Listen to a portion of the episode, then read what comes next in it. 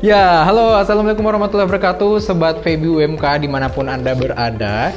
Nah, hari ini kita hadir dalam uh, podcast edisi ketiga, eh sorry ya, edisi kedua yang bisa teman yang teman-teman deng bisa dengar langsung di uh, Spotify. Nah, hari ini kita tentunya mengangkat uh, tema yang sangat menarik sekali ya, uh, yaitu temanya tentang kuliah asik gak sih? Ya kuliah asik gak sih? Nah tentunya dengan uh, narasumber-narasumber kita yang hari ini yang sangat kece-kece. Nah namun sebelum kita mulai kita akan kenalan-kenalan dulu nih ya. Uh, narasumber pertama ada dari Pak Al Ashari ya. Akrab dipanggil dengan Kak Ari aja. Iya lebih asik. Ya lebih asik lebih lebih milenial Pak ya. Karena memang tampangnya milenial ya. Nah selanjutnya ada juga dari Kak Dian ya. Nah Kadian uh, makin hari makin Terima cantik ya. kasih. ya. Makin glowing. oh ini berkat uh, lulusan dari Febi UNK. Oh. Ya, berpengaruh. Ternyata berpengaruh ya. Iya, benar. Nah, selanjutnya ada Kak Hari ya. Kak Hari ini uh, salah satu mahasiswa dan salah satu uh, apa nih saya bilang ya. salah satu karyawan juga. ya, jadi hari ini kita akan coba membahas kuliah asik nggak sih? Nah, menurut uh, bapak-bapak dan ibu-ibu, bapak-bapak, ibu-ibu atau kakak-kakak ini ya? Kita masih cewek cowok semua. Oh, masih cowok. Jangan salah Pak, di sini ada yang sudah sold out ya. Oke. Okay. Selamat ya Pak. Iya, yeah. usah dipromosikan. Oh, nah, menurut Pak Ari, kuliah asik nggak sih Pak? Asik nggak sih? Oh, jawabannya, jawabannya asik atau enggaknya dulu nih ya? Iya. Kuliah asik nggak sih? Hmm, Oh itu yang susah itu. Kayaknya kuliahnya nggak asik ya. Serius kalau untuk kalau mau jujur-jujurannya sih kalau kuliah asik nggak asik ya lebih nggak asik sih kalau. Nggak asik ya. Tahan dulu sebentar kita jawab ya. Dijawab nih kenapa? Apa sih menyebabkan kuliahnya nggak asik gitu ya? Kalau kalian sendiri, kuliah asik nggak sih? Uh, sebenarnya kan kalau ditanya asik tidak asik ada dua jawaban. Asik kalau menurut saya asik dan tidak asik gitu. Tapi nanti saya jelaskan kenapa ada dua jawaban. Tentunya kita mau tahu nih ya didominasi oleh jawaban asiknya atau nggak asiknya iya, ya. Betul. Oke, kalau Kak Hari nih, asik apa nggak asik kuliah? Kalau saya asik. Kuliahnya asik. Nah pasti teman-teman penasaran nih ya, mau tahu banyak nih. Kok ini ada yang jawab nggak asik, ada yang jawab asik nih. Kira-kira asiknya di mana, nggak asiknya di mana? Ya, nah kita mulai dulu dari, saya mulai dulu dari yang jawab asik ya Pak ya. Iya, yang asik nah, lebih asik. Kuliahnya asik ya kuliahnya asik. Kenapa bisa asik? Asik karena apa ya? Mungkin karena lumayan sudah ini juga ya. Kembalikan dari yang iya. pergaulan sudah tua ke muda. Berumur terus kuliahnya lebih banyak teman juga daripada kan, kuliah lebih banyak teman. Kan kalau sudah istilahnya umur-umur sudah di atas itu mendekati 30 kan hmm. pertemanan sudah mulai agak sedikit agak lebih ini yang satu frekuensi kayak gitu kan. Jadi kalau di kuliah itu lebih kita kepada uh, banyak teman terutama juga apalagi ya teman-teman uh, yang yang satu ini ya banyak apa namanya istilahnya yang bisa kita ambil pengalaman juga mungkin dalam dunia ini ya akademik. Wow ya ada ada banyak teman ya. Itu salah satunya. Salah satu alasan. Mau saya lanjut lagi? Silakan lanjut lagi. Kira-kira apa nih yang buat asik? Tapi memang juga dari awal uh, waktu masih SMA SMP lah uh, bercita-cita ingin kuliah gitu kan tapi karena ada kendala yang nanti setelah 8 tahun tamat langsung kuliah jadi wow ya Kak Hari 8 tahun tamat baru kemudian bisa kuliah lagi. Bisa kuliah lagi. Oh, bisa kuliah ya, sorry.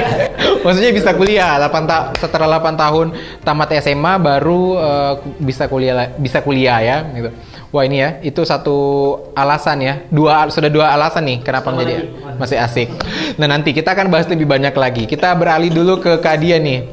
Kadian tadi menjawab uh, ada asiknya, ada tidak asiknya. Benar. Jadi kalau uh, sebenarnya ini mengambil kalau tadi Kak Hari katanya 8 tahun ya. Yep. Nah, hmm. kalau saya pribadi sebenarnya tiga tahun Kak. Jadi uh, kenapa ada asik ada tidak asiknya? Pertama kalau asiknya selain banyak teman, uh, terutama kita yang ya cewek-cewek realistis ya. Hmm. Senior senior itu kan ya paham lah tata kalau uh, identik ya. dengan anak kuliah itu kurang afdol kalau ke kampus hanya datang cuma mau ketemu uh, materi terus masuk kelas tanpa ada uh, keceng-keceng uh, dosennya atau aduh dosen maksud saya uh, seniornya gitu. Nah kalau dosen Ini se- tapi sebenarnya ini bu- bukan menjadi hal yang tabu ya kak Iya. ya karena sudah banyak kok yang seperti itu juga. Jadi asiknya itu selain banyak teman, eh, banyak senior seniornya, terus juga ya kalau kebetulan Iya. aja kalau dosennya masih muda Iya, iya, iya, gitu kan kak. Tapi kalau tidak juga ya, ya mungkin uh, bisa dilihat dari sisi lain gitu. Jadi lebih asiknya itu mungkin di situnya. Jadi kita lebih banyak pemikiran, lebih banyak uh, bisa saling sharing mungkin dengan orang-orang yang baru kita kenal. Nah, kenapa saya bilang ada tidak asiknya? Karena mungkin ketika posisi saya itu uh, kuliahnya tidak langsung ketika tamat SMA. Jadi ketika teman-teman seleting sudah uh, sa- sarjana, sudah enak ya, kelihatannya sudah wisuda, sudah enteng saya ini yang yang notabene-nya baru kuliah ya baru merasakan jadi mahasiswa baru. Iya, sebelumnya eh, Kak Hari jangan tersinggung ya. Ah, iya nggak ini karena karena kita sama sebenarnya. Iya, maksudnya. dosennya kan ada yang mungkin apa Ah, kecengin dosennya iya. sudah pernah ada oke nanti. Itu mungkin nanti dibahas di sesi Iya, iya, iya. selanjutnya ya. Tapi intinya saya pari Tapi intinya itu kak, asik dan tidak asiknya seperti di, di situ sih kalau menurut saya. Tapi kembali lagi bahwa yang namanya pendidikan itu sangat penting. Tidak mengenal umur kita sudah, mohon maaf mungkin umur kita sudah uh, melampaui Expired. sedikit Sudah- batas. Kata Pak Hari sudah expired Pak ya. Produk ya Pak ya. Iya, terlalu terlalu halus Iya, iya, iya. Kayak makanan ya ada expirednya ya. Bahaya ini ya. Tapi lebih kepada bahwa memprioritaskan pendidikan itu akan terus kita uh, dapatkan mau kita umur berapapun dan itu Wow. penting untuk uh, kita ini. Jadi menurut saya tidak ada salahnya sih untuk orang-orang yang baru saja mungkin terpikir sekarang untuk kuliah tidak apa-apa malah harus tetap semangat dan Yap. bahkan harus diselesaikan pendidikan. Ternyata ku- asik nggak asiknya nggak asiknya letaknya itu karena mungkin kita telat masuk kuliahnya. Jadi nggak asik mungkin, begitu. ah, mungkin Ya, tapi tetap kuliah itu tetap harus Iya. dikejar ya kayak pendidikan Benar. itu tetap harus ditempuh seberapapun usianya kita ya. Nah. Sebagaimana juga kita tahu bahwa pendidikan itu sebenarnya sesuatu yang Penting. Wajib juga dalam Ya. agama Islam dan eh, siapa pun yang menempuh di dunia pendidikan itu adalah orang yang berjihad semuanya ya. Iya, Ya mantap sekali. Ya itu tadi dari Kadian ya. Cucu meong ya rumahnya. Wajib milih. Oke. Kita beralih ke Pak Ari nih. Nah, Pak Ari, jadi sekadar informasi juga nih buat teman-teman semua, hari ini eh, narasumber kita merup- erat kaitannya dengan Fakultas Ekonomi dan Bisnis Islam. Nah, sebelumnya minta maaf nih ya, baru saya jelaskan. Kak Hari ini adalah eh, mahasiswa dari Fakultas Ekonomi dan Bisnis Islam semester akhir semester akhir, iya Pak, iya. Ya mau ditahu ya. semester akhir. Dan apa sedang hari Kamis jodoh? ujian yang mau bunga Dan Kak Hari ini juga ternyata kerja sambil kuliah. Nah, kalau Kak Dian ini ya dari tampang-tampang dan voice-nya teman-teman pasti sudah bisa menebak ya. Kak Dian ini adalah salah satu presenter di salah satu stasiun TV yang ada di Kendari dan eh, dia adalah alumni dari Fakultas Ekonomi dan Bisnis Islam. Kalau Pak Ari, ini lebih erat lagi kaitannya nih. Pak Ari ini adalah salah satu dosennya Kadian. Ya, dosen muda dari Fakultas Ekonomi dan Bisnis Islam Universitas Muhammadiyah Kendari. Ya, ayo kita lanjut ya, Pak Ari. Masih ke pertanyaan yang sama. Tadi Pak Ari bilang eh, kuliah itu gak asik, ya. Ya, saya juga kaget ini ya mendengar pernyataan dari Pak Ari kuliah ini gak asik. Ketika kuliah ndak bahagia. Alasannya saya. bagaimana nih, Pak? Nih? Kalau nggak asik gara-gara nggak bahagia itu beda lah, beda versi. Nggak asik dan bahagia itu kan beda versi. Tergantung dari sudut pandangnya aja. Tapi kalau jadi sebenarnya kalau bicara masalah asik gak asik kan nggak mungkin lah kalau kita bilang bahwa itu kan kalau kita bilang dunia sekolah, dunia pendidikan lah antara SMP, SMA dan perkuliahan itu sudah meskipun hampir sama iklim, lingkungan juga hampir sama, tapi kan orientasi sudah berbeda, sudut pandang berbeda. SMP, SMA, eh, ya waktu untuk have to fun lah, maksudnya terserah kalau kita mau senang-senang eh, ngabisin apa pun yang anda bisa mau lakukan lakukan. But kalau untuk di kuliah tersendiri itu ya pasti ada beban lah, Ada beban. ada beban tersendiri. Setelah kuliah, umpamanya mau enam tahun, mau tiga tahun lebih, mau empat tahun itu otomatis pemikiran next time-nya mau jadi apa next time-nya gitu mm-mm. dan itu juga dalam proses perkuliahan juga kan tidak serta merta bahwa anda cuma sekedar kuliah saja seperti sebelumnya ada tugas-tugas yang harus di, di Ada harus tuntutan. dilaksanakan tuntutan terus belum lagi memikirkan antara bagaimana eh, anda harus berorganisasi dan anda harus juga melaksanakan perkuliahan dengan nilai yang bagus kan otomatis eh, which is tidak bisa di enjoying seperti Ya. asik seperti terlihat di bawah. Itu betul asik gitu karena pasti ada beban-beban tersendiri lah. Belum lagi satu dosen masuk dan memberikan tugas yang sedemikian banyak dan segala macam. Jadi hampir kalau kita bilang kalau kita bilang dia asik ya sudut pandangnya hanya asik dari sisi pergaulannya saja. Tapi kalau dalam konteks yang sudut pandang lain itu pasti berbeda lah pasti tujuannya gitu. Cuman kembali lagi ke orientasinya gitu. Kalau kalau cerita-cerita masalah orientasi sih tinggal melihat saja anda kuliah memang karena ada tujuannya anda kuliah atau anda kuliah memang hanya karena mengikuti alur gitu bahwa hanya untuk mendapatkan ijazah aja Ya, jadi kembali lagi ke personality tiap orang ya kak ya. Terkadang juga uh, kuliah itu menjadi asik karena prosesnya dinikmati begitu. Dan ada juga yang uh, melewati proses itu dengan berat mungkin karena tidak menikmati ya. atau Seperti mungkin itu. karena di pikirannya itu kuliah itu ya cuma untuk menuntaskan kewajiban dia begitu mungkin sebagai seorang anak kan uh, dalam sebuah keluarga itu juga pasti uh, menginginkan bahwa saudara-saudara saya sudah punya gelar saya Iya. saya saya masa tidak kan seperti itu jadi memang tergantung kita lagi sih mau bawa asik atau tidak asiknya itu ya itu betul tadi kalau kakak katakan ya dinikmati lah prosesnya. Masalah tugas masalah eh, apa ya dinamika kita harus mengikut organisasi atau tidak. Dan pure itu memang eh, sebuah tantangannya di situ gitu. Tapi setelah kita lewati makin ke sini akan merasa bahwa oh ya sudah ini inilah dinamika eh, ketika kita sedang melakukan eh, perkuliahan dan lain-lain. Jadi menurut saya sih ya Prosesnya mesti ah, ah, prosesnya ya dinikmati ya. dinikmati ah, Iya. dinikmati. Sebenarnya kalau mau bicara masalah mau asik dan tidak asik itu seperti tadi bilang bahwa tuntutan, memang yang susahnya itu bagaimana keluar dari eh, apa sih lingkaran itu gitu. Maksudnya zona itu. Jadi kan zona itu ada tuntutan lah bahwa dari orang tua juga bahwa mamanya kalau sudah semester akhir ditanya kapan selesai dan sekarang kenapa belum selesai. Padahal secara kronologis itu berat juga ya. berat. Padahal secara kronologisnya dia tidak tahu bahwa kita di konteks perjuangannya itu di Iya. mana titiknya gitu. Ya, intinya adalah dinikmati prosesnya ya. iya. Wah luar biasa sekali nih kayaknya eh, pas masuk sesi Pak Ari kayak kayak Serius kali? serius banget ya. Dia kan mau mewakili suara dosen. Pak nggak Enggak absen sih. dulu, maunya kita absen dulu ya tadi Pak. Tapi serius, saya dari saya SMP, SMA itu kan dari pondok pesantren. Jadi masuk perkuliahan itu dulu niatannya mau Kita masuk. pesantren. Iya sempat, tapi ya belok lebih banyak beloknya dibandingkan lurusnya.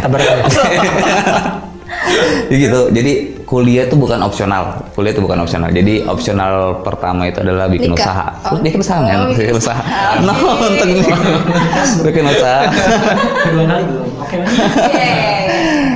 bikin usaha terus mentok eh, tuntutan tidak sesuai dengan orang tua orang tuanya minta kuliah terus harus kuliah terus pilihannya pertama itu jatuh di teknik informatika sama arsitek karena ternyata ke situ lari terus ujung-ujungnya masuk ternyata di ekonomi ekonomi itu di semester 1 semester 2 termasuk ujian juga cobaan karena basically tidak pernah belajar masalah ekonomi dan harus survive dengan ekonomi dan harus mengerti tentang ekonomi. Dan semester 2 itu memutuskan untuk intake. Jadi intake dari ilmu ekonomi pembangunan bergeser ke manajemen. Niatannya gitu. Cuman ternyata ada prestasi yang dicapai di semester 2 dapat uh, IPK 4, saya pikir ah, bisa lah survive untuk itu. Di awalnya pikir bisa survive. Di semester 3 4 sempat goyah lagi kembali tapi adalah something moment yang saya dapatkan bahwa uh, ilmu yang dipelajari itu ilmu yang dipelajari itu bisa uh, menghasilkan uang yang cukup besar kalau dimanfaatkan secara bagus. Jadi saya ngeluarin uang yang cukup banyak, orang tua ngeluarin uang yang cukup banyak untuk uh, pendidikan. Paling tidak bagaimana cara saya manfaatkan bahwa saya tadi mau usaha dan saya punya ilmunya, terus saya manfaatkan bahwa itu jadi keuntungan saya pribadi. Sampai sekarang lah eksistensinya. Pendidikan adalah investasi jangka panjang ya. Ya tergantung dari pribadinya bagaimana dia. Tergantung lagi kembali lagi nih ke personaliannya ya. Ya mau kuliahnya di bener-bener atau lurus-lurus aja atau belok-belok ya. Hmm. Dan alhamdulillah nih ya terbukti dong ke Pak Ari walaupun memang di awal mengalami dilema yang cukup besar ya, Dilema apalagi besar ya eh, asal usul ya dari dari pesantren tiba-tiba Iya. harus mengikuti keinginan orang tua dan alhamdulillah keinginan orang tua itu dapat dipenuhi dan terbukti hari ini Iya, iya. hari ini ter- terpenuhi juga ya Pak Ari sudah menjadi seorang akademisi di Fakultas Ekonomi dan Bisnis Islam dan merupakan eh, salah satu dosen muda yang ada di Fakultas Ekonomi dan Bisnis Islam. Hmm, meskipun nyatanya sudah salah. Oke, kita beralih ke pertanyaan selanjutnya nih ya. Ya. tadi kan ini eh, Kak Hari kan ini juga udah udah sebenarnya udah bekerja kayak. Tapi ternyata masih memikirkan kuliah. Padahal kalau memikir oh, udah ada uang, udah ada, kenapa tidak melanjutkan pekerjaan saja, tapi masih kuliah? Kira-kira kenapa sih kak itu? Ada tisu kah? oh, udah sedih, sedih, sedih. Oh sedih nih, aduh tisu, aduh. Nggak. Sorry lupa tadi menyediakan tisu ya. Kenapa kuliah? Ini mungkin juga eh, saya sharing ke teman-teman. Kenapa saya ingin kuliah di umur yang kayak ya sudah sudah iya sudah memikirkan yang lain. iya sudah untuk nikah lah, punya Iya, anak, bener. gendong cucu. Iya, eh. Terojo ya. Kenapa? Karena saya berpikir bahwa nyambung juga tadi dengan dia dengan Pak Ari bahwa eh, asiknya kalau saya bagi pribadi saya sendiri kalau kuliah terus sambil kita kembangkan apa eh, apa ya passion kita misalkan. Kalau saya dulu kan eh, pernah siaran gitu kan terus saya juga eh, kuliah gitu kan saya punya teman saya eh, sering ngobrol sama orang jadi saya bisa latih juga selain keluar dari situ saya bisa punya teman banyak sering juga buat video punya teman-teman yang bisa eh, satu itu satu jalur misalkan Yep. buat video dan foto, editing dan segala macam. Jadi saya tidak merasa apa ya? Saya tidak merasa jenuh kuliahnya. Jadi asik-asik saja kayak gitu. Ya, terus kenapa? kegiatan lain juga. Ah, jadi diselingi lah kerja, kuliah, terus juga bikin sesuatu lah kreativitas kita Berkarya, kembangkan kayak gitu berkarya. Apalagi tadi? Tadi pertanyaannya? kenapa kuliah? ya Padahal kenapa masih harus kerja. kuliah? Padahal sudah bekerja loh. Eh, yang pertama karena memang cita-cita dari waktu SMP lah sudah ingin kuliah. Tapi saya ingin pribadi mandiri gitu kan biaya sendiri ya otomatis saya harus kerja dulu kerja baru nantilah timingnya pas 2016 kemarin eh, sudah bisa kuliah ya sudah kuliah Jadi 8 tahun menganggur itu bukan karena nggak mau kuliah tapi preparing dulu ya. prepare Kak, ya? dulu. Jadi ditunda dulu yang lain kuliah dulu itu. Kalau ya ini kan udah bekerja ya. Eh, seberapa penting sih menurut eh, kakak? Oh, kak- kakak, aduh. Om, eh Oh, oh. oh misalnya Pale. Seberapa penting sih kuliah? kalau saya ya? sangat penting Eh, karena pentingnya kuliah bagaimana ya? yang pasti utamanya pendidikan karena banyak kemarin ada di video-video Deddy Corbuzier juga pernah bilang apa sih pentingnya sekolah pendidikan segala macam. Kalau saya bagi saya penting. Walaupun sekedar ibaratnya formalitas, tapi di situ di, di kuliah ataupun sekolah di dunia pendidikan kita bisa dapat banyak ambil pelajaran, pengalaman, bisa ketemu dengan orang dengan berbagai karakter gitu kan. Adapun kalau kita mungkin tidak kuliah di rumah saja kan beda pasti suasananya, atmosfernya kayak begitu. Terus yang kedua ya kita belajar untuk berpikir kritis gitu kan yang tadinya mungkin ada tugas ataupun juga berorganisasi ya di situ kita dilatih untuk bisa apa namanya mengerti orang ya, mengerti wanita misalkan. Ya Memahami. mengerti sesama ini ya kayak gitu. Tangannya nggak usah ke sini ya. kan ada orang terus satu juga eh, yang menjembatani saya untuk eh, kuliah gitu kan untuk bisa ke eh, bertemu orang yang lebih punya apa namanya seperti jabatan kayak gitu. Karena saya dulu pengalaman apa ya cerita agak panjang ya. Gak apa-apa silakan. Ini bebas. Ya. pengalaman ibaratnya kalau kita eh, punya sekolah gitu kan ibaratnya kita lebih dilihat kayak gitu Oh iya. dilihat gitu Betul apalagi betul. itu itu sudah jadi standar uh, sekarang kayak gitu kita punya sekolah sudah lihat oh ini punya gelar dan segala macam kalau bagi saya itu Iya ada gelar. Biasanya juga kalau dalam budaya melamar dengan punya gelar itu akan lebih mulus Iya. ya dibanding tidak punya Iya. gelar. Bagaimana Pak Ari? Hmm, Dan uang panai lebih tinggi lah. Oh. nah itu juga kalau perempuan Nah, itu kalau untuk perempuan paling lebih tinggi ya, Pak. Itu jangan masuk panai di sini. makanya yang perempuan jangan S2 dulu Oh. tambah tinggi Ditahan dulu. SMA Dian sudah punya belum ya Waduh, Lagi. bahaya ya. Oke, ternyata banyak alasan yang menjadi eh, menjadi menjadikan kuliah ini menjadi sangat unik juga ya rupanya. Ada juga yang eh, at- didasarkan oleh eh, relasi pertemanan yang bisa dibangun selama perkuliahan. Tentunya juga perkuliahan digunakan sebagai momen untuk mengembangkan kapasitas kita ya. Dan yang terpenting juga ternyata pendidikan ini menunjang karir ya. Terbukti tadi kalau misalnya kita akan lebih terlihat terpandang nih ya kalau misalnya kita punya gelar. Dan yang terpenting karena Kak Hari belum berkeluarga, insya Allah proses eh, kalau gel- sudah ada gelar lebih mudah ya menikahnya Pak Yari ya. Iya dan nyarinya kan juga gampang. dan cita-cita saya memang cita-cita Nanti kita saya ada di sesi undangan khusus ya. begitu di undangan ada gelarnya gitu Iya. kan Kan enak kan hari SE kan dengan siapa? Dengan siapa? nah, masih di masih masih belum ketemu Kak Dian ya. Hmm. Nah, itu tadi eh, versi Kak Hari nih ya. Saya mau beralih lagi ke Kak Dian nih. Ya. Kak Dian kan sudah menjadi presenter ya. Eh, sudah menjadi presenter dan merupakan alumni dari FEBI. Fak- Fakultas Ekonomi dan Bisnis Islam Universitas Muhammadiyah Kendari. Ya. Kalau menurut Kak Dian sendiri, kenapa waktu itu uh, memilih juga nih ya, kan kalian uh, sudah alumni nih ya, memilih juga nih salah satu jalan uh, kuliah. Padahal posisi ini waktu itu sudah bekerja juga kalian ya. Eh, ya, jadi mungkin cerita Ya, sedikit dulu silakan. kak. Eh, awal masuk itu 2014 di Fakultas Ekonomi dan Bisnis Islam. Eh, awalnya juga memang sebenarnya gini, Nuan- nggak sedih pak. agak sedih juga ya. Iya. Eh, awalnya kenapa memilih ekonomi sebenarnya itu adalah eh, pilihan terakhirnya.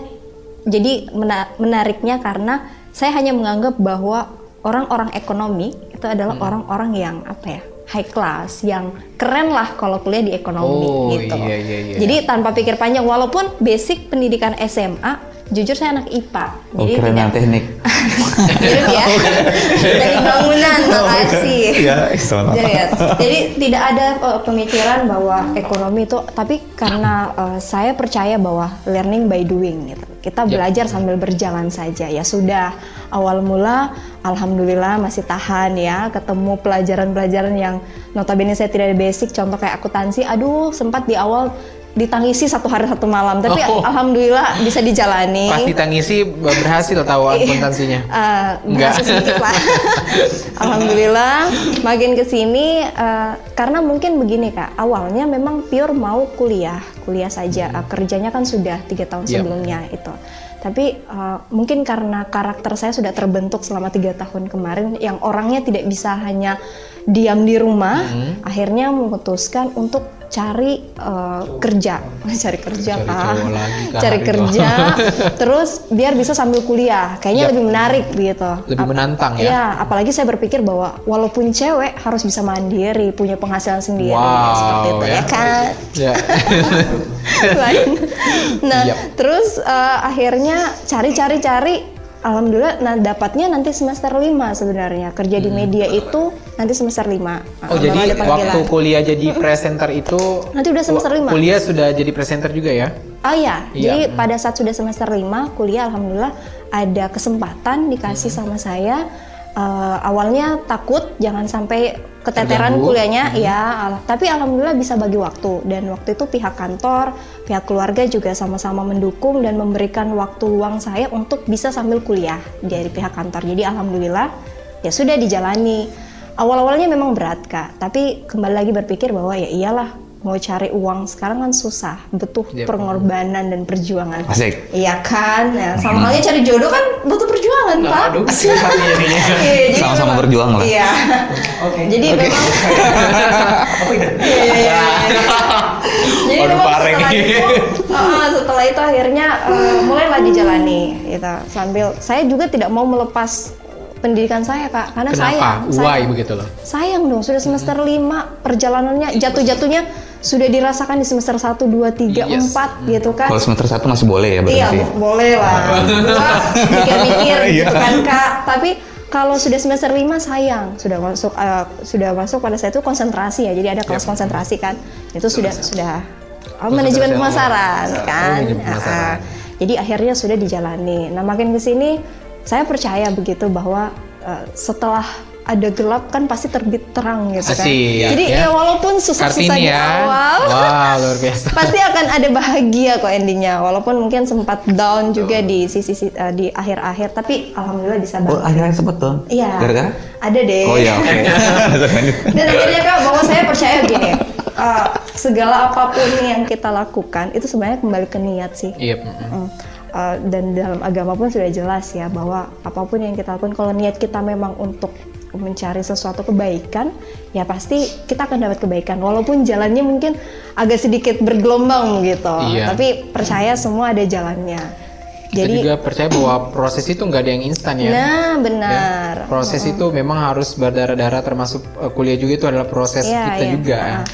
Eh, apa namanya? Jadi tidak menjadi sebuah uh, ini juga ini juga menganu ya apa namanya membantah Mematahkan, iya. mematahkan yang uh, argumen orang bahwa kuliah itu sulit sambil kerja. Tapi Iya, hal yang benar. tidak mustahil kita Benar. masih bisa uh, kuliah sambil kerja. Buktinya Kadian, Kahari yang menjadi uh, narasumber kita hari ini tuh ternyata menempuh kuliah sambil bekerja juga dan Iya. itu sesuatu yang baru juga ya kak Se- ah, menantang seperti itu ya Iya menantang. Apalagi kalau di kampus ada yang kasih semangat misalnya. Do- dosen yang kasih semangat. Saya curiga bapak ini misinya beda ya pas Ada dosen yang kasih semangat saya. oh gitu ya Atau kalau Dian, Dian ada? Ada, ada juga ada. Ada juga. ya? Tapi begini ya, ya ternyata eh, saya saya menyadari bahwa semangat itu bukan serta merta dari orang lain. Itu dari harus dari dalam diri kita. Ya. namun memang pada dasarnya dosen itu harus menyemangati mahasiswanya iya, dong itu Ya, secara itu harfiahnya dia. iya gitu. Heeh, Tapi kalau untuk ini saya rasa semangat itu harus kembali ke diri kita karena eh, motivasi yang paling besar adalah di dalam diri sendiri. Jadi ini mungkin pesan ya buat teman-teman juga. Bukan di kampus aja kan semangat, di rumah juga, WA iya. juga, toh. saya tahu misi Antar. anda ya oke berarti kalian nih kalau saya bertanya ya Ya. karir kalian yang sekarang kalian jalani juga itu sangat eh, apa namanya sangat memerlukan juga l- apa istilah leg- leg- legitimasi ya dari pendidikan yang sudah dijalani ya Ya, eh, sebenarnya. erat sekali ya kaitannya ya Iya, sebenarnya kalau kalau orang awam melihat ya, maksudnya orang yang belum tahu saya bagaimana, mungkin melihatnya eh, kok basic pendidikan sama profesi yang sekarang itu sangat jauh ya kak ya. Tapi kalau makin ke sini saya ingin menjelaskan, eh, mungkin bukan cuma sama teman-teman yang ada di sini, buat yang di rumah, buat nanti juga yang dengar podcast kita bahwa eh, percaya saja segala mau basic pendidikannya apa pun, mau profesinya apa pun, itu pada dasarnya toh juga akan nyambung dengan sendirinya gini. Jadi eh, walaupun saya profesi mungkin di dunia broadcaster, tapi eh, basic pendidikan saya adalah manajemen. Ini kan mungkin gamblang ya kak ya, tapi sebenarnya tidak gitu. Ada ada beberapa ilmu-ilmu atau part-part yang bisa saya tuangkan, mungkin saya implementasikan di uh, profesi saya. Dan itu saya sudah rasakan sekarang di empat tahun terakhir. Nah ini jadi jangan pernah bilang saya uh, lulusan mungkin ekonomi, terus nanti Untuk kerja di bank. Ih, kalau itu wajar pak. Oh iya wajar. Hmm. Atau mungkin saya di teknik itu uh, tiba-tiba kerjanya Maksudnya di jadi rumah sakit. Atau di rumah sakit kan Iya, mungkin nggak ya. mungkin nih kalau nah itu jadi memang banyak hal yang bisa kalian lakukan dan lebih menantang lagi yang seperti itu ketika basic pendidikan kita dan profesi kita itu berbeda. Jadi kita dituntut untuk belajar keluar dari zona nyaman dan itu luar biasa lebih. Ya memang kayaknya narsum kita hari ini sangat suka dengan tantangan ya hari ini. Hidupnya penuh banget dengan tantangan ya. Harus ya. Ya. Thank you Kak Dian atas jawabannya ya kita beralih nih ke Pak Ari nih. Nah Pak Ari, saya kita minta kesediaannya untuk memberikan pandangan ya berdasarkan aspek dari pihak akademisi ya. Memandang kuliah itu penting sih, penting apa enggak sih gitu. Buat apa kuliah begitu loh. Nah, dari kalau Pak Ari nih ya sekarang yang sudah berprofesi sebagai seorang akademisi dosen muda di Fakultas Ekonomi dan Bisnis Islam. Bagaimana nih pendapatnya tentang pertanyaan eh, penting gak sih ini kuliah? Sebenarnya kalau bicara masalah penting dan tidak penting, Tidak tunggu ya sama tebakannya nggak penting nih jawabannya. enggak enggak enggak serius.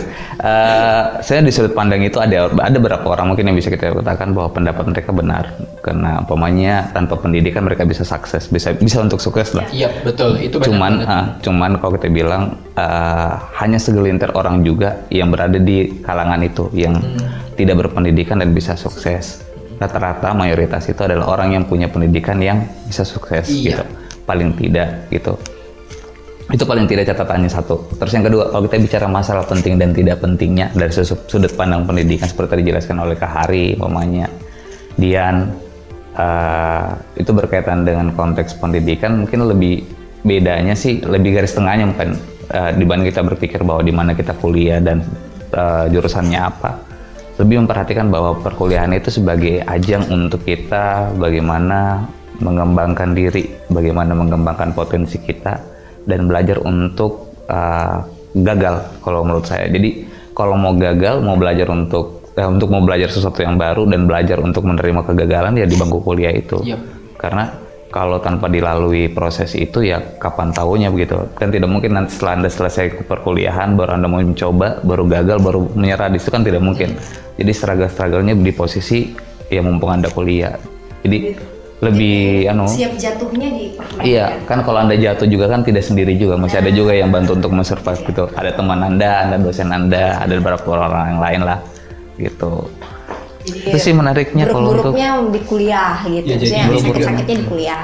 Mematakan stigma me- bahwa memang ada segelintir kecil ya Ya. ada ada orang yang bisa sukses walaupun tanpa menempuh pendidikan kuliah tapi ternyata sebagian besar orang yang sukses itu adalah orang yang melalui proses Ya. perkuliahan ya Pak ya Iya, Kan rata-rata. Dan rata-rata juga orang yang yang sukses juga tanpa melalui proses perkuliahan juga itu juga pasti akan pemainnya next time dia punya anak pasti anaknya akan dipaksakan untuk ikut proses pendidikan juga Iya. karena apa dia sadari bahwa dulu tuh saya tidak tempuh dunia per- dunia pendidikan itu salah satu penyesalan terbesar juga gitu iya gitu. Karena ada di situ ada proses-proses tertentu yang membentuk pola pikir sehingga dalam proses pengambilan keputusannya itu bisa jauh lebih eh, istilahnya sih lebih tepat lah kalau dia melakukan tindakan-tindakan. Karena kan orang yang tanpa pendidikan itu proses pengambilan kebijakannya juga ini bukan juga menjustifikasi tidak berpendidikan cuman kadang-kadang eh, tidak terlalu eh, apa sih kalau kita bilang cari bahasa yang tepatnya apa sih?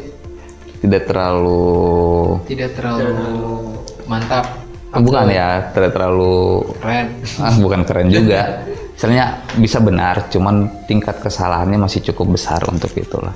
Gitu. Wow ya, jadi ternyata memang eh, perkuliahan ini adalah salah satu proses memang yang wajib untuk ditempuh Pak ya. iya kalau kalau kita pikir daripada dikeluhkan bang tugas dosen gini ba- banyak mungkin mahasiswa yang berpikir bahwa tugas dosen itu sebagai beban cuman kalau kita dulu pribadi kalau kembali yang tahun-tahun sekitar 2008 lah yang belum menggunakan internet proses tugas proses perkuliahan dengan tugas itu kita anggap sebagai bukan sebagai beban sih sebagai sebagai eh, pengembangan diri kita pribadi. Jadi mau kita turun ke lapangan ngambil data, ya kesiapan kita bagaimana? Karena next time Anda turun ke lapangan bertemu dengan masyarakat, komunikasi dengan masyarakat itu tidak harus lagi kita bina lagi kan tidak mungkin lagi kita arahkan, eh sana ya pergi tanya, udah ke lapangan nggak mungkin. Jadi di di proses itu lah sebenarnya yang dilakukan. Jadi dinikmati aja seperti tadi dibilang di awal. Insya Allah ada proses, insya Allah ada hikmahnya lah. Ya, jadi eh, sangat penting ya. Intinya sangat penting. Saya pikir jawabannya nggak penting. ya, Keren jadi kata-katanya. Keren kata-katanya. proses kuliah oh. nyaman saya dulu Iya. Ya, dibikin bikin nyaman, ya. nyaman nyaman nyaman nyaman biasa suka meninggalkan Ya, kok baper enggak enggak Biasanya gitu. Oh, beda ya beda ya Pengalaman ya. ya, jadi eh, apa namanya perkuliahan ini menjadi se- sebuah proses yang tujuannya untuk menempa diri. Karena katanya nih Kak Hari ya, eh, beda itu caranya eh, orang yang sudah ber- berpendidikan ya istilahnya mengelola rumah tangga dengan orang yang beda dong belum mengelola rumah tangga ya. Gitu beda ya? sama Beda ya? persis eh, kalau apa namanya orang yang mengenal agama dengan pendidikan dalam mengelola rumah tangga Ah, Ih, saya kayak ustadz ya tapi kayak memang kayak seperti itu Ya, beda pasti pastinya berbeda ya. beda lah Ya, kita eh, beralih lagi nih ya. Masih ada pertanyaan nih. Masih lima pertanyaan, masih siap? Oke, Eh, saya melangkah ke pertanyaan ya. Oh haus. oh ya. Oke. Oh. Nanti kita bahas itu ya. Oke, Kak Hari, Kak Dian ya. Eh, saya fokus kayaknya pertanyaan ini ke Kak Hari dan Kak Dian dulu kuliahnya ekonomi ya. Padahal banyak eh, fakultas-fakultas atau jurusan-jurusan lain selain ekonomi. Kenapa sih sampai milih ekonomi? Siapa dulu? Kita dulu. Kak. Rocky Gerung dulu oke. Oke, gerung aduh. Eh, kalau ekonomi pertama saya hampir pilih hukum. Hukum dengan teknik antara dua itu. Hukum dan teknik. Cuma tapi kenapa kemudian di ekonomi? saya Oh, jadi Bapak yang hasut gitu. hukum eh, saya pilih hampir pilih hukum karena saya pikir-pikir ah, kayaknya enggak ini deh eh, dengan sesuai apa yang saya pahami begitu kan. Teknik eh, kebetulan juga untuk di ini belum terlalu lengkap gitu kenapa yang saya mau. Eh, terus juga kenapa langsung ekonomi pilih bulat untuk pilih ekonomi? Karena itu tadi sama seperti Dian keren gitu kan ekonomi. Karena hampir rata-rata di fakultas di seluruh Indonesia itu ekonomi keren. ekonomi keren ya. lebih meluas begitu kan mau jadi pejabat tapi enggak korupsi ya pejabat apa pun nyambung. Ada ujung itu catat ya Pak, ada catatannya tuh. ujung-ujungnya pasti menju- menjual gitu kan. Istilahnya mau apa pun kayak broadcasting tapi pasti ujungnya juga kita ke ada pemasarannya ada manage manajemennya kayak gitu. Lebih luas lebih luas. Lebih, luas ya, universal. Lebih universal. gitu. Jadi pilih ekonomi. Dan saya juga cek recheck gitu kan. Di sini ternyata memang eh, mahasiswanya paling banyak ekonomi. Oh, masih paling banyak. Paling jadi banyak.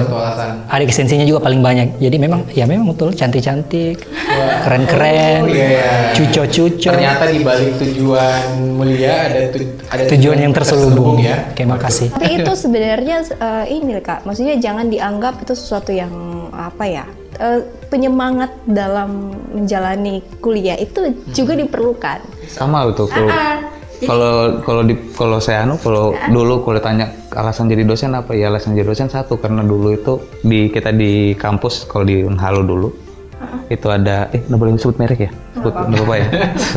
Unhalo dulu dulu dulu dulu. Jadi ada di, ekonomi. di Oh iya, sensor. jadi ekonomi pembangunan, ada manajemen, ada akuntansi. Akuntansi itu kan yang full uh, lebih banyak ceweknya dibandingkan ekonomi pembangunan laki-laki. Jadi ketika next time kalau saya mau jadi dosen, saya harus jadi dosen yang lebih banyak dominan ceweknya. Waduh. Nah, itu.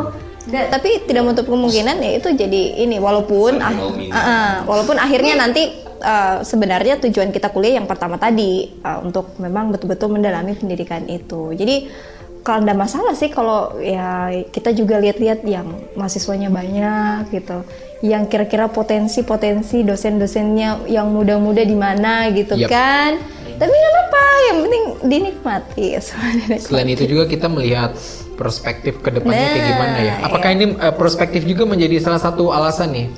Artinya uh, perspektifnya uh, ekonomi ke depannya memang bagus jadi ke hari pilih ekonomi. Iya itu sudah pasti. Karena saya juga sering apa namanya mungkin orientasinya selama uh, kemarin-kemarin maunya kayak komputer gitu kan. Iya. Teknologi dan segala macam. Makin ke sini makin sering nonton berita. Kebetulan juga pernah di ini media. Jadi eh ekonomi bagus. Ekonomi menjadi Lebih salah cocok, satu- ya, gitu. salah satu memang yang menjadi incaran ya. Memanage segala macam, memanage rumah tangga, Wih, itu kan. memanage Tentunya ya. investasi perasaan kayak gitu. Khususnya bapak lagi. Enggak, enggak, enggak. Iya, jijik gitu ya. Benar-benar. Jadi eh, lebih kepada Ya kalau kita berdoa ya, Ah, semoga setelah ini Kak Hari Amin, eh, ya. nggak jomblo lagi dan menikah ya. Amin. Alhamdulillah didoain. Didoain aja. Sebentar jangan bahas itu dulu ya. Oke, kita melangkah ke Kadian ya. Oke. Kadian masih dengan pertanyaan yang sama. Kenapa memilih ekonomi dan dan kenapa di Fakultas Ekonomi dan Bisnis Islam UMK? Mungkin sebentar bisa ditambahkan ya Kak Hari ya, karena tadi Kak Hari tadi Iya. Iya. kenapa ekonomi dan Kenapa kenapa ekonomi, harus di kenapa UMK? Padahal UMK ya? banyak kampus-kampus menyediakan fakultas ekonomi. Oke, terima kasih. Jadi eh, kenapa ekonomi eh, di awal mungkin sempat singgung. Jadi kalau ekonomi itu kelihatannya lebih apa ya? eh, suatu jurusan yang menurut saya ya pribadi pada saat itu sesuatu yang wow begitu. Jadi sangat tertarik dan tertantang gitu untuk masuk ekonomi. Walaupun memang basic tidak ada ekonomi. Nah, eh, tapi makin ke sini sebenarnya kalau saya berpikir secara lebih rasional lagi, eh, memang kalau kita pendidikan ekonomi itu menurut saya penting. Kenapa? Karena ekonomi ini tidak akan ada habisnya. Kita hidup pasti kaitannya ada dengan perekonomian gitu. Mau itu ekonomi secara mikro, makro, ataupun lebih simpelnya saja gini, ekonomi dalam eh, rumah tangga nantinya Iya, gitu itu kan. Kak Hari udah kode ya. Jadi Jadi Ya. memang eh, kenapa menurut saya ekonomi itu penting lah, penting untuk walaupun kita bukan berarti belajar ekonomi nanti eh, buntut-buntutnya mau jadi dosen ekonomi tidak. Minimal kita bisa menjadi eh, apa ya seorang pelaku ekonomi di lingkungan kita saja dulu gitu dan, Dan, saya rasa ya. sangat penting. Dan kenapa harus di Fakultas Ekonomi dan Bisnis Nah, UMK? Kenapa di harus di FEBI UMK? Ini yang menarik. Kena, eh, karena saya ini cerita pengalaman ya, yang saya sudah rasakan sebagai seorang alumni di FEBI UMK. eh, apa ya? Lebih banyak ruang wadah yang diberikan kepada kita itu untuk bisa eh, mengeksplor potensi yang kita punya gitu kak. Jadi bukan datang kuliah, terima materi, ada tugas pulang, bukan hanya itu. Tapi banyak kegiatan-kegiatan positif yang bisa kita dapatkan hanya di FEBI UMK. Wow. Nah, jadi kalau kalian penasaran kira-kira apa, makanya harus kuliah di FEBI UMK gitu. Ya keren ya. Dan masih ada nggak nih eh, jadi alasannya? Ah, dan ah, alasan yang ah, terakhir mungkin kita realistis saja bahwa ah, sekarang kan FEBU UMK ya kita tahu fasilitasnya juga sudah cukup memadai ya. Kalau memadai. ya sangat baik sekali. Jadi memang menurut saya yang paling terpenting itu ketika kita kuliah yang kita harus lihat dulu uh, pertama fasilitas yang bisa kita dapatkan di situ terus juga memang tenaga-tenaga pendidiknya ya kita tidak bisa menutup mata juga Dosen-dosen Dosen- kece, iya, dosen- ya. walaupun eh, tidak sebatas hanya berhenti di kece-nya saja kak tapi lebih kepada ah ya potensi-potensi dosennya itu loh kompet- kompeten tidak gitu Ya. kan dan saya rasa kenapa juga harus di PBUMK karena dekan Fakultas Ekonomi eh, untuk PBUMK Hmm. sendiri ya pasti sangat rekomendasi sangat eh, visioner berpikirannya ah, udah sangat bagus ya pokoknya tidak akan nyesal kalau kuliah di PBUMK Dan dosen-dosennya tentunya berkompeten ya. nah itu itu yang paling Contohnya penting. seperti Pak Ari. luar biasa. Saya banyak berterima kasih loh kak sama bapak Ari ya? Iya kenapa? Karena salah satu dosen yang membantu eh, suksesnya saya bisa meraih gelar sarjana itu ada di Pak Ari juga jadi luar biasa. Hmm, enggak. Karena Pak Ari datang di saat waktu yang tepat pada saat itu iya Pak ya. Pak Ari menjadi sangat berjasa ya. Terima kasih Ya. Pak Ari. oke Nah kalau Kak Hari sendiri kenapa di Fakultas Ekonomi dan Bisnis Islam? Padahal ada Iya, banyak juga kampus-kampus lain. Bahkan Tapi- mungkin bisa keluar keluar kota ya. Tapi saya memang dari dulu ingin jadi dosen. Tiba-tiba pas setelah di ini di di media begitu kan kerja terus ih kayaknya bagus kita salurkan apa yang pengetahuannya kita gitu kan apa yang kita pernah alami ke teman-teman kita. Eh, sari eh, saking apa senang sharing begitu kan? Jadi kayaknya dosen jadi dosen bagus. Jadi betul juga pernah ketemu dengan Pak Hari cerita-cerita waktu di awal masuk di semester 2 ya Pak? Tiga. Tentang ekonomi Islam seru. Oh bukan seru lagi karena kita pengaplikasiannya gitu kan apalagi kita kan sesama eh, muslim gitu kan. Jadi saya juga lagi eh, proses ke sana gitu kan kayak hijrah begitu toh. Jadi ekonomi nyambung ke Islamnya itu kena sekali gitu. sekali, ya. jadi selama ini ya, ekonomi yang saya lakukan oh ternyata tidak sesuai dengan syariat Islam. Jadi oke lah kayaknya di FEB ini cocok PB cocok ya. Dan tentunya juga ditunjang oleh alasan fasilitas yang sudah cukup memadai ya kak ya. Oh. Semoga fasilitas terus meningkat ya, biar mahasiswa makin senang dan makin eh, oke kuliahnya, bisa nyaman kuliahnya. Nah, kita melangkah ke Pak Ari nih. Ya? Kayaknya berat. Kalau Pak Ari saya eh, nggak jawab, nggak tanya ya, kenapa harus Fakultas Ekonomi dan Bisnis Islam kuliahnya karena saya tahu Pak Ari bukan kuliah di sini. Jadi saya saya lebih pertanyaannya khusus nih ya. Pertanyaannya dua Pak Ari. Pertama, Oke. kenapa sih harus Fakultas Ekonomi? Ya. Dan yang kedua saya sambung ya, eh, mengingat kita waktu terbatas ya teman-teman ya. Saya sambung nih Pak Ari. Pak Ari di tengah pandemi COVID-19 ternyata ada sedikit eh, fenomena ya. Ada eh, ada argumen yang menyatakan bahwa kuliah ini menjadi sebuah situasi yang opsional Hmm. pilihannya. Apalagi sekarang eh, apa istilahnya ya lagi pandemi kuliah daring tidak efektif. Ah mending tahan dulu tahun depan aja kuliahnya ya. Tahan tahan tahan dulu tahun ini tahun depan aja. Nah menurut Pak Ari nih dari dari eh, fenomena tadi apakah eh, kuliah di tengah pandemi COVID-19 ini menjadi sebuah opsional atau bagaimana?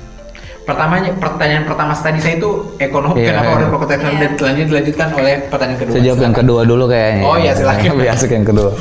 Jadi kalau untuk bicara masalah eh, di tengah covid ini ya, bagi yang memilih untuk sebagai opsional, eh, saya kembali mungkin lebih flashback ke dulu kalau saya mau kuliah. Jadi hitungannya kenapa saya harus dari S1 lanjut S2 dan sampai dengan apa yang, maksudnya apa target yang dikejar dalam pos itu. Sebenarnya yang mau diincar itu sebenarnya kalau saya pribadi itu adalah umur. Yang saya hitung adalah umur. Jadi Umur ya. yang saya mau capai adalah selama ini kalau saya lihat ada orang yang produktif adalah orang-orang yang sudah pada sampai umur 35, 40 40-an. Yang saya mau capai adalah di usia 25 itu saya sudah bisa sukses gitu. Saya maksudnya bukan sukses. Saya sudah bisa berada di posisi yang posisi orang lain tuh sudah sampai di usia 30. Dan satu tahun kalau saya bilang saya hitung-hitung kalau satu tahun usia yang saya buang itu satu atau jangankan satu tahun dua bulan saja waktu yang saya buang secara percuma untuk menunda sesuatu yang sifatnya. Itu penting bagi saya maka itu akan merugikan next time. Iya. itu kalau itu kita bicara satu sisi umur. Dan itu ternyata connect di, di posisi sekarang. Coba kalau kita hitung eh, batas minimum orang daftar kerja berapa usianya? 25 25 25 tahun. 25 dan rata-rata pendidikan yang diminta adalah S1 nah kalau anda bayangkan kalau anda lulus SMA itu usia berapa sih SMA bisa 18. 18 ditunda satu tahun itu masih ditunda dengan kondisi yang belum ada pekerjaan terus tiba-tiba umpamanya di pertengahan dapat pekerjaan kan tidak mungkin langsung ditinggalkan Iya Iya. berarti masih bertahan di survive di 20 tahun 20 tahun masih nikmati uang, pendapatan sendiri, maju ke 21, 22 tuh mau baru memutuskan, oh oke lah saya kuliah 22. 22, 23, 24, 25, 26. Habis waktu untuk perkuliahan ke 5 tahun. Jadi kita lebih banyak membuang waktu di posisi itu. Padahal sebenarnya kalau diputar, anda kuliah di awal sampai dengan uh, dihitung ke depannya, hitungannya hampir, hampir sama sih sebenarnya. Cuman perbedaannya adalah ada waktu yang terputarnya di situ. Jadi salah satu alasan ya, Ya, hmm. kenapa tidak menang jangan tunda ya, Hmm, Pak Ari, jangan karena mengingat juga usia begitu. Iya, karena kita hitung-hitung sekarang itu di konteks sekarang pekerjaan itu lebih dituntut dicari usia-usia yang lebih produktif. Mungkin batas 25 itu akan maju lagi jadi 24, 23, 22, 21. Maksudnya Kenapa supaya tidak? lebih cepat kuliah, lebih cepat selesai gitu supaya Iya. kita juga tidak expired seperti yang kita katakan Bapak Ari ya. Iya, kecuali mungkin eh, orientasinya lain, umpamanya kalau yang sudah kerja, orientasinya itu mungkin tapi kalau saya juga sarankan juga di proses yang itu sebenarnya harus sih. Kalau untuk di kondisi sekarang apalagi kondisi kita yang perkembangannya cukup pesat. Dari 4 4.0 kemarin kita baru bahas masalah pentingnya 4.0 tiba-tiba bergeser ada COVID-19 yang menunjukkan bahwa penting nih 4.0 untuk kita bahas. Nah belum lagi kita masuk di era yang selanjutnya lagi yang lebih pesat lagi gitu Ya, jadi pandemi juga bukan jadi alasan untuk tidak kuliah tahun ini Iya. Pak, karena pro- yang namanya proses pendidikan itu harus tetap berjalan ya, harus tetap berjalan. tetap tetap, tetap. Pandemi bukan bukan menjadi alasan ya, karena eh, buktinya kita sekarang lagi preparing juga kan, bukan berarti pandemi kita ndak aktivitas perkuliahan selesai. gitu. Ya, masih bisa daring ya juga ya, dan tentunya kita sedang bersiap new normal nih kak ya. Sebenarnya kan di peluang itu kalau kita bicara di posisi kadang kan kalau kita bilang kalau uh, terkala misalnya gini uh, di posisi orang lagi sibuk untuk suatu hal yang lain kalau kita bisa memanfaatkan momen untuk sesuatu yang juga hal yang lain juga itu bisa berpotensi pada sesuatu yang lebih profit lah bagi kita untuk next time. Jadi kalau saya rasa pendidikan itu termasuk hal yang profit gitu. Yap. Jadi jangan ini buat teman-teman calon mahasiswa baru jangan ditunda-tunda lagi kuliahnya ya. Harus kuliah semester ini. Dan buat teman-teman yang saya ini juga wanti-wanti ya, bukan wanti-wanti apa nih. Jangan sampai ada mahasiswa yang sedang kuliah ini berpikir untuk kemudian cuti ya. Iya. Ya cuti karena dia pikir mungkin tidak efektif kuliah jadi cuti ini dulu deh. Nanti ke tahun depan lagi baru kondisi membaik, Kondisi baru- membaik. baru misalkan padahal memang uh, hal yang menjadi pertimbangan besar tadi dari versi Pak Ari adalah umur ya usia kita mau selesai kuliah memang di usia-usia produktif kita Iya. ya sehingga lebih bisa uh, diterima di pekerjaan dan tentunya karir bisa lebih cemerlang lagi Usia produktif berapa? si produk itu udah lima. Simpelnya tapi gini kak. tapi itu menarik loh maksudnya tunggu deh Iya. Menariknya gini saya waktu ngajar di salah satu fakultas dulu kampus dulu itu masuk di tingkatan usia mungkin yang hampir sama dengan jadi kalau kita bilang kalau kita dijejerkan dengan mahasiswa yang lain ya kurang lebih kita tidak ada perbedaan dengan mereka. Kita masih punya cuma perbedaan isi kepala aja Pak ya. perbedaan usia juga sih sebenarnya kalau dilihat dari KTP-nya tapi kalau dilihat dari KTP-nya kan masih belum. Nah, intinya simpelnya eh, segala sesuatu yang ditunda-tunda itu kurang bagus lah gitu. Ya. Jadi kan mending disegerakan seperti sebelum Kak Hari dengar ya mending disegerakan kode nih kode karya. kode itu. Walah. ingat umur Tapi saya dua masih produktif loh. masih masih masih sampai dengan 30 itu bahasa Oh, tiga puluh pasti. 30 sudah berpikir investasi mas masih panjang Oh gitu. Oh ya, kita tadi dijawab dulu pertanyaan yang kedua Oh ya, iya, Pak. ekonomi. Pertanyaan pertama nih, nih, eko- kenapa harus ekonomi? kenapa harus ekonomi Dan kenapa harus PB? Ya, Kenapa dia harus baby? pas- Jangan bilang karena lulusnya di sini ya Pak. Nah ini Udah lah. kita kita lihat pandangan dari kan Pak Ari sudah lama mengajar juga. di- Mungkin yang Kenapa sih? di FEBI dulu, kenapa harus di FEBI? FEBI kalau dibandingkan dengan beberapa kampus lain, keunggulannya salah satunya ada karena dosen-dosen mudanya yang ada, itu satu. Iya. Ah, Itu ya. Oh, saya pikir yang lain ya. Saya kira Pak Ari malah bilang eh, keunggulannya adalah saya. no, no. Artinya gini, eh, kalau saya bagi saya pribadi sih, kalau dosen-dosen muda artinya cara berpikirnya juga mereka jauh lebih inovatif, ya lebih Iya. fresh, lebih inovatif, Lebih lebih le- ah, lebih melihat kondisi realitas sekarang Iya. apa, dan mungkin bisa lebih mendengar mungkin ke eh, mahasiswanya dan bisa bantu support terkait eh, mengarahkan ke mahasiswa ke arah mana gitu. Itu itu satu kenapa harus FEBI. Dan yang kedua Kenapa harus FEBI? Karena di antara beberapa universitas lain yang ada di kota Kendari, di FEBI lah yang ada salah satunya juga konsentrasi ekonomi Islam. Itu Ya. satu. Yang kedua ada juga konsentrasi masalah manajemen aset. Jadi kalau kita bilang unggul dan tidak unggulnya lebih unggul di kita pribadi itu satu yang kedua juga kita sudah buka lagi prodi bisnis digital Wah, keren nih, prodi baru nih. Prodi baru bisnis digital apalagi di tengah covid 19 ini eh, lagi sementara rame-rame eh rame-ramenya Bisnis orang berbahas masalah yang Iya, yang bisa menjadi tren sekali ya. Nah, itu kita sudah di sebelum terjadi COVID itu sudah launching duluan berkaitan dengan bisnis digital gitu. Jadi sudah ada memang uh, platform yang kita sudah sediakan untuk itu. Itu yang kedua. Nah, kalau ekonomi sama sih mungkin dengan jawaban yang lain karena istilahnya mau Anda dari dulu sampai dengan sekarang konteks ekonomi masih jadi salah satu problem. Nah, problem terbesarnya bukan di problem bagaimana Anda dapatkan uangnya, tapi problem terbesarnya bagaimana Anda memanage uangnya. Wow ya. Gitu. Jadi itu nih. Tadi lengkap ya. Jadi eh, ba- alasan yang menjadi tidak ada alasan sebenarnya sih. Ya tidak ada alasan untuk kuliah di ekonomi ya. Ah, pasti punya banyak alasan nih untuk kenapa kuliah di ekonomi dan tentunya kenapa pilih FEBUMK.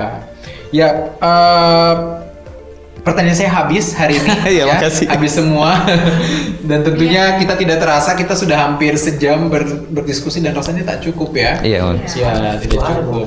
Hari boleh ya. Eh tapi ini sebelum Mungkin ada uh, harapan Ya, mungkin ya. sebelum kita tutup sesi ini, apa nih yang kira-kira menjadi harapan buat Saya tahu harapan Anda adalah ingin segera ya. enggak eh, ini Kalau saya sih apa namanya mumpung ini bisnis digital belum apa namanya belum terlalu kayak gimana. Jadi teman-teman mungkin yang baru tamat ini cocok sekali buat teman-teman yang ingin meng, apa ya mengaplikasikan apa kreativitasnya di dunia digital.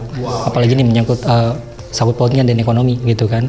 Karena saya rasa sendiri eh, ketika kita apa namanya punya kreativitas kayak eh, di dunia digital misalkan sering buat video, foto dan segala macam itu Uh, saya juga persempat bicara dengan Pak Dekan ini akan nyambung dengan di ekonomi bisnis digital seperti ini. Keren banget sih.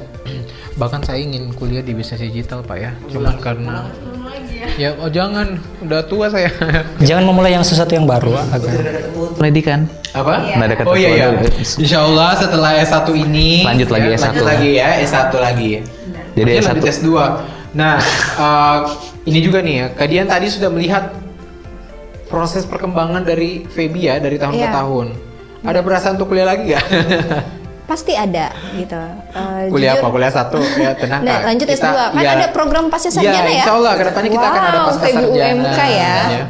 PBUMK tetap ya makin selalu uh, melangkah lebih maju. Iya, pastinya Nah, dong. Gitu. Jadi makanya kenapa uh, buat teman-teman semua yang mungkin saat ini sudah harus mengharuskan diri untuk melanjutkan pendidikannya di uh, S1 wajib sekali memang harus kuliah di FEBUMK. Dan satu hal mungkin yang harus uh, kita pahami juga di sini bahwa jangan uh, sekali-sekali kuliah itu hanya karena ingin mendapatkan gelar sarjana. Yap. Tidak apa-apa, mungkin di awal Anda bisa berpikir seperti itu, tapi makin ke sini ketika sudah dijalani, apalagi kalau ketika sudah memang mendapatkan uh, something mungkin masalah-masalah yang bisa untuk membangun uh, kepribadian kita di sini. Statement bahwa kuliah itu hanya untuk gelar akan terpatahkan. Dan itu saya sudah rasakan gitu kak. Jadi saya ingin apa yang saya rasakan nilai-nilai positif yang saya rasakan anda juga rasakan. Dan kita bisa sama-sama menjadi orang-orang yang memang mengutamakan pendidikan. Minimal terutama bagi perempuan kak. Kan gini untuk apa perempuan mungkin pendidikannya eh, tinggi ya, toh ujung-ujungnya ke dapur. Gitu. Jangan pernah punya statement seperti itu. Minimal, walaupun anda ketika mungkin setelah pendidikan tidak bisa menjadi seorang ASN ataupun juga mungkin tidak bisa menjadi dosen, minimal anda bisa menjadi guru atau teladan yang baik untuk anak-anak anda. Jadi memang sangat Hari- penting sekali untuk pendidikan. pendidikan yang utama ya. Pokoknya saya mendukung dan kalau mau kuliah harus di FEBUMK Wah ya. gitu. Iya dong. sekali ya. Pak Dekan tetap ya. ya iya Iya. gitu. Jadi Anak-anak. sendiri iya terus. Parah ya. Oke. Nah, terakhir nih, kalau statement dari Pak Ari nih berkaitan dengan Apa? eh, apa yang kita obrolkan hari ini ya. Apa aja nih mau disampaikan terserah Pak. Apa aja? kita. Eh, iya tisu penting kayaknya. Butuh tisu lagi ya. Inti intinya itu eh, apa ya? Apa ya? intinya kampus jangan dianggap sebagai eh, beda lah kalau saya bilang dengan sekolah-sekolah eh, ketika anda SMA dan SMP. perkuliahan kampus itu dia bisa dianggap sebagai uh, dunia baru anda untuk bisa berkreativitas bisa untuk mengembangkan diri mengembangkan potensi anda atau mencari potensi-potensi anda ada berada di mana gitu nah kita pun juga selaku dosen juga dan selaku juga mungkin uh, Kak Hari juga juga uh, sama-sama bantu bisa membantu untuk membangun itu next time. Saya juga udah Dindian Dindian sama kayaknya di Ya. di 2000 berapa itu hari kita sempat mulai dari galeri investasi Nah, benar. terus masuk di OJK Banyak sampai dengan uh, banyak sebenarnya. jadi di Ini perlu menjadi catatan juga Pak ya bahwa kemajuan fakultas juga didukung oleh mahasiswanya. Jadi mahasiswa Iya. juga harus berperan ya. uh, kita dosen juga nggak bisa apa-apa maksudnya gini dosen untuk menunjukkan bahwa dia berhasil dalam proses pengajarannya itu tidak terlepas dari mahasiswanya Bagaimana output dari output si dari itunya. Jadi uh, mahasiswa juga kadang harus menunjukkan diri juga bahwa dia punya potensi apa, dia punya uh, soft skill apa supaya kita juga mampu untuk mensuplainya di situ. Gitu, Pit. Eh, ini terakhir. Apa? Pasar senja nanti. Oh ya, mungkin Promo. nih, Ya, promo. Silakan. Eh, nanti mungkin di kisaran bulan 7 atau 8 nanti akan ada pasar senja jilid kedua. Eh, diharapkan bagi mahasiswa kita juga ya, mahasiswa FEB UMK dan calon mahasiswa dan maupun dari mahasiswa-mahasiswa universitas lain bisa hadir datang untuk meramaikan. Nah itu serunya di FEBUMK gitu kan. Kita aplikasikan kewirausahaan gitu kan, berbisnis, buat produk. Kegiatan-kegiatan tentunya sangat produktif sekali untuk para mahasiswa di Fakultas Ekonomi dan Bisnis Islam. Oke, eh, thank you banget nih buat teman-teman semua yang sudah eh, berpartisipasi dalam eh, podcast edisi kedua kita dan tentunya podcast ini kemudian akan tayang ya di Spotify ya dan eh, jangan lupa nanti dibantu untuk sebarkan linknya biar lebih banyak lagi yang mendengarkan informasi penting. Nah dan tentunya ini informasi yang sangat penting sekali buat teman-teman juga ya. Dengan eh, narsum-narsum yang kece-kece kita ada Kak Hari, ada Kak Dian, ada Pak Ari terima kasih semuanya yang sudah eh, hadir dan bersedia untuk mengisi episode kedua dari Podtrend ya podcast by FEBUM Kendari Nah, kita juga mau menginformasikan ke teman-teman bagi teman-teman yang mau mendaftar di Fakultas Ekonomi dan Bisnis Islam Universitas Muhammadiyah Kendari saat ini masih dibuka pendaftaran dan kece-nya lagi itu sudah bebas tes ya. Jadi teman-teman bisa masuk kampus tanpa bebas tes ya. Ini spesial karena pandemi Covid-19 untuk mengurangi juga kemungkinan untuk ya berkumpul dan terjangkit COVID-19 ya. Dan kita berharap ke depannya semoga uh, COVID ini cepat berlalu dan kita kembali bisa ber- uh, beraktivitas kembali, bisa berkarya lagi. Dan uh, buat teman-teman semua, terima kasih sudah mendengarkan uh, podcast dan menyaksikan video ini. Video ini kemudian akan nanti diupload di YouTube ya. nanti ya akan ada informasi lagi. Ini kerjasama ya FEBUMK dan Deli Kampus. Ya. Sekali-sekali dong Deli Kampus. Siap, siap, siap. Dan uh, sebelumnya terima kasih Pak Ari, terima kasih Kak Dian, terima kasih Kak Hari atas uh, waktunya hari ini dan semoga yang disampaikan bermanfaat bagi teman-teman semua. Intinya nih sebelum kita closing, kuliah asik gak sih? Asik dong. Kuliah asik gak sih Kak Dian? Asik dan harus. kuliah asik gak sih Pak Ari? Asik, asik. Kuliah asik lah pastinya. Ya terima kasih semua atas waktu dan kesempatannya. Mohon maaf apabila ada kurang dan salah kata dari saya pribadi yang hari ini berperan menjadi host teman-teman. Sekian dan terima kasih. Saya tutup. Nun. Wassalamualaikum warahmatullahi wabarakatuh. Sampai ketemu di podcast edisi ketiga. Bye.